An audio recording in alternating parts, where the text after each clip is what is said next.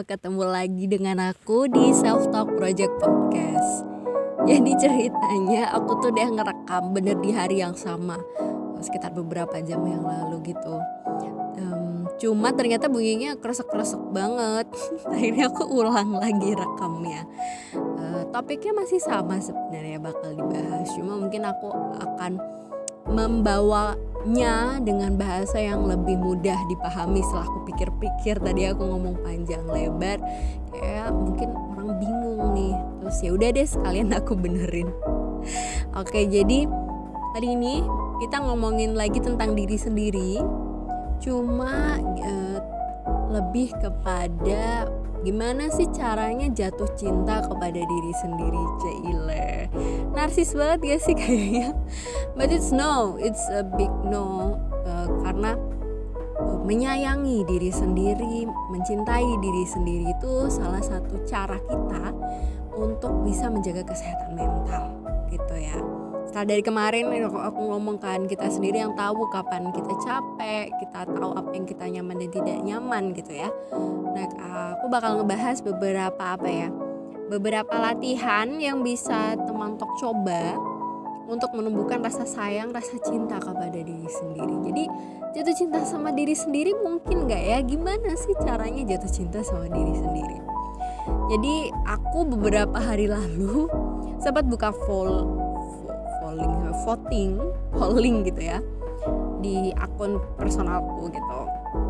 I don't know mungkin karena too many uncertainty dan negative news maksudnya berita yang bikin capek cemas sedih gitu ya heartbreaking news banget gitu kan tentang kondisi covid yang semakin ya semakin apa ya semakin meluas dan bed capacity rate terutama di daerah Jakarta gitu di daerah Jawa tuh lumayan sudah hampir mencapai batas maksimalnya. Jadi kayak capek banget lah gitu ya.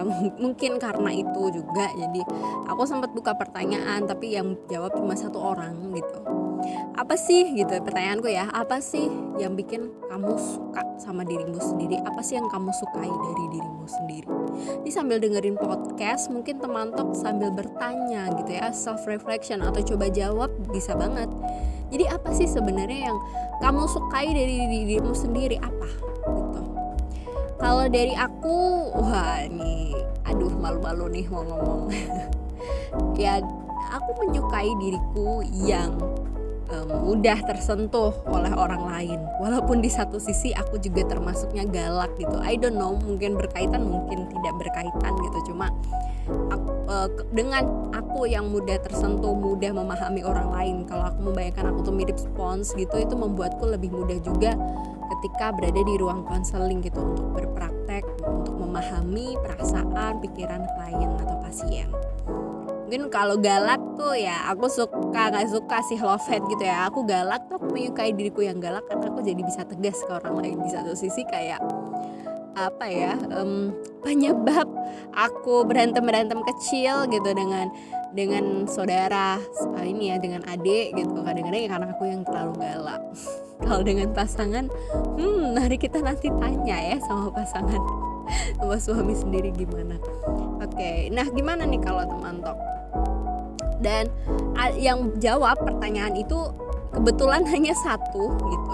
Dia menjawab ya persistence uh, di dirinya gitu dan ya sebenarnya nggak ada salah benar sih menurutku. Karena menyukai diri sendiri itu bukan hal yang aneh. Cuma mungkin ya canggung aja gitu selama ini. Ya udah banyak sih istilah self love dibilangin gitu ya.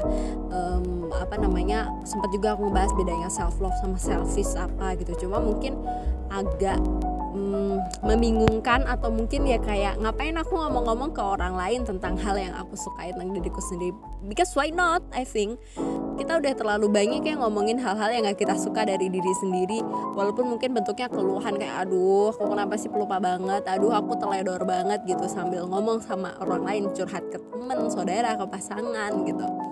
Tapi pernah gak sih uh, menceritakan hal baik dari diri kita sendiri? Mungkin mungkin ada yang pernah cuma bukan hal yang biasa untuk dilakukan. Um, kenapa sih menurutku gitu ya aku ngangkat topik gimana cara jatuh cinta ke diri sendiri ini. Ya karena um, kadang atau seringnya memang kita lebih mudah untuk membenci dan marah dengan diri sendiri. Tanpa kita sadari gitu ya begitu banyak tuntutan yang ada yang kita dapatkan dari lingkungan di sekitar kita sampai akhirnya kita pun ikut-ikutan menuntut diri sendiri kayak no more negativity in my life. Aku nggak boleh nangis. Aku harus kuat gitu wow. Coba-coba mundur sedikit gitu ya. Coba-coba um, diamati dengan pernyataan-pernyataan itu dengan tuntutan-tuntutan itu. Capek nggak sih? Kita tuh udah hidup dengan tuntutan ya sosial, keluarga, norma anything gitu ya, pekerjaan, sekolah, pendidikan, anything. Dan terus kita nambahin tuntutan ke diri kita sendiri, itu capek gak sih? Padahal ya, being vulnerable is the real thing, hal paling nyata yang bisa kita lakukan ke diri kita sendiri. Vulnerable tuh ya menunjukkan kelemahan kita, sisi-sisi terjelek kita sekalipun ya. Menurutku itu ya cara kita menjaga, merawat kesehatan mental sekaligus menumbuhkan rasa cinta kepada diri sendiri. Ya bukan berarti kita terus kepikiran sama yang negatif-negatif terus ya kayak ya ya ya aku memang ya emang aku pelupa, emang aku ceroboh, emang aku kurang di sini secara fisik, kurang ini, kurang itu gitu. Enggak, tapi kita uh, belajar sekali lagi ya um, untuk tidak terlarut dengan hal-hal itu. Tidak terlalu terlarut tuh maksudnya enggak yang men, men nempelkan label ke diri kita sendiri bahwa aku si ini, aku si itu. Enggak. Ya, it's part of us but it is not defining us. Itu enggak sama sekali bukan menunjukkan jati diri kita gitu. Itu adalah bagian dari kita ya. Aku adalah seorang Nisrina yang punya kekurangan seperti ini. Tapi aku juga punya loh kelebihan di sini. And this part of, of uh, how we grow love to ourselves gitu. Gimana itu adalah bagian dari cara kita menumbuhkan rasa cinta kepada diri kita sendiri. Dan ketika ngomongin cinta aku sekalian juga mau ngebahas soal self compassion sayang rasa kasih sayang, rasa welas asih ke diri sendiri. Ya, di situasi yang sangat gak menyenangkan seperti sekarang ini, kadang kadang-kadang serba salah gitu ya. Um, kalau mau cerita ke orang, mungkin kita nggak enak karena orang terdekat kita lagi banyak pikiran gitu. Tapi terus gimana ke siapa gitu? Ya, sebelum kita kebingungan gitu ya, sebenarnya salah satu cara untuk menjaga sanity kita, kewarasan kita adalah ya dengan belajar hmm, menyadari, berempati dan menumbuhkan rasa sayang ke diri sendiri. Jadi compassion, self compassion gitu ya adalah rasa sayang, kita sendiri. Bayangin ya mungkin lebih mudah kalau di kita memberikan empati ke teman terdekat ke pasangan ke saudara atau ke orang tua gitu. Kita bisa tahu ketika mereka curhat nangis gitu kan. Kita tahu oh ya itu pasti sedih banget buat mereka. Itu menyakitkan banget buat mereka. Terus gimana dong dengan diri kita? Kalau kita lagi sedih biasanya kita lakuin apa? Paling baik tuh kita aduh aduh aduh jangan cengeng gitu kan. Aduh aduh aduh gini banget gitu. mungkin ya atau mungkin ada yang mungkin nangis sampai berhari-hari gitu ya kayak I'm letting myself to cry out loud gitu aku nggak peduli sama yang lain. Nah dengan kita belajar menumbuhkan rasa compassion sayang belas asih ke diri sendiri kita belajar untuk berempati kepada diri kita sendiri. Kita menyadari bahwa ya kita punya manusia dan punya vulnerability kita gitu tidak menjadikan itu sebagai sebuah excuse tapi kita belajar untuk mengontrolnya supaya tidak terlarut gitu ya. Kayak oke okay, misalnya ya momen ini tuh kita sedih banget gitu ya. Nah, ada kejadian yang gak menyenangkan terus kita pelan-pelan ngomong ke diri sendiri bisa dengan ngomong oh ya aku lagi sedih banget kejadiannya bikin aku kecewa dan nggak tau lah mau gimana lagi gitu ya. Saya udah capek. Ya sudah kita sadari itu tapi sambil kita menyadari kita mengatakan mengucapkan gitu ataupun menuliskan kita tetap melanjutkan hidup kita. Kita tetap beraktivitas. Walaupun mungkin kita menyadari kita nggak bisa 100% fokus gitu ya. Nggak apa-apa pelan-pelan.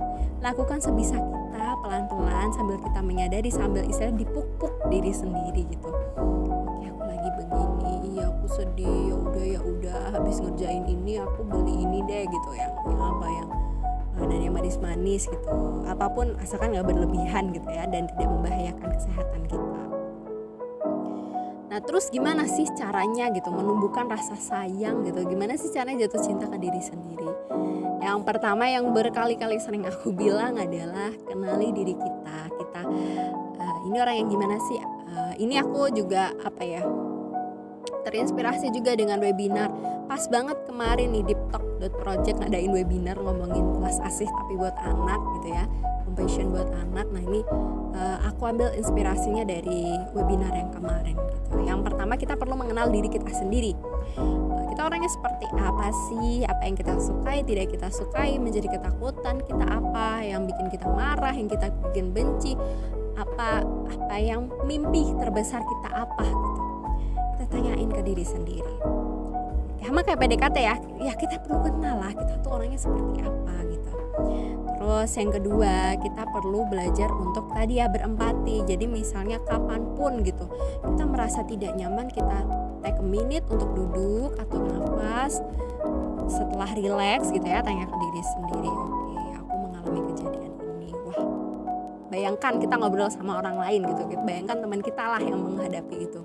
Apa sih yang bakal kita ngomongin ke dia biasanya kan kayak oh ya udah tenang ya tenang tenang dulu. Mungkin ini overwhelming banget bikin pusing banget. Tapi aku tahu kamu bisa melaluinya. Ya udah tenang dulu aja gitu contohnya.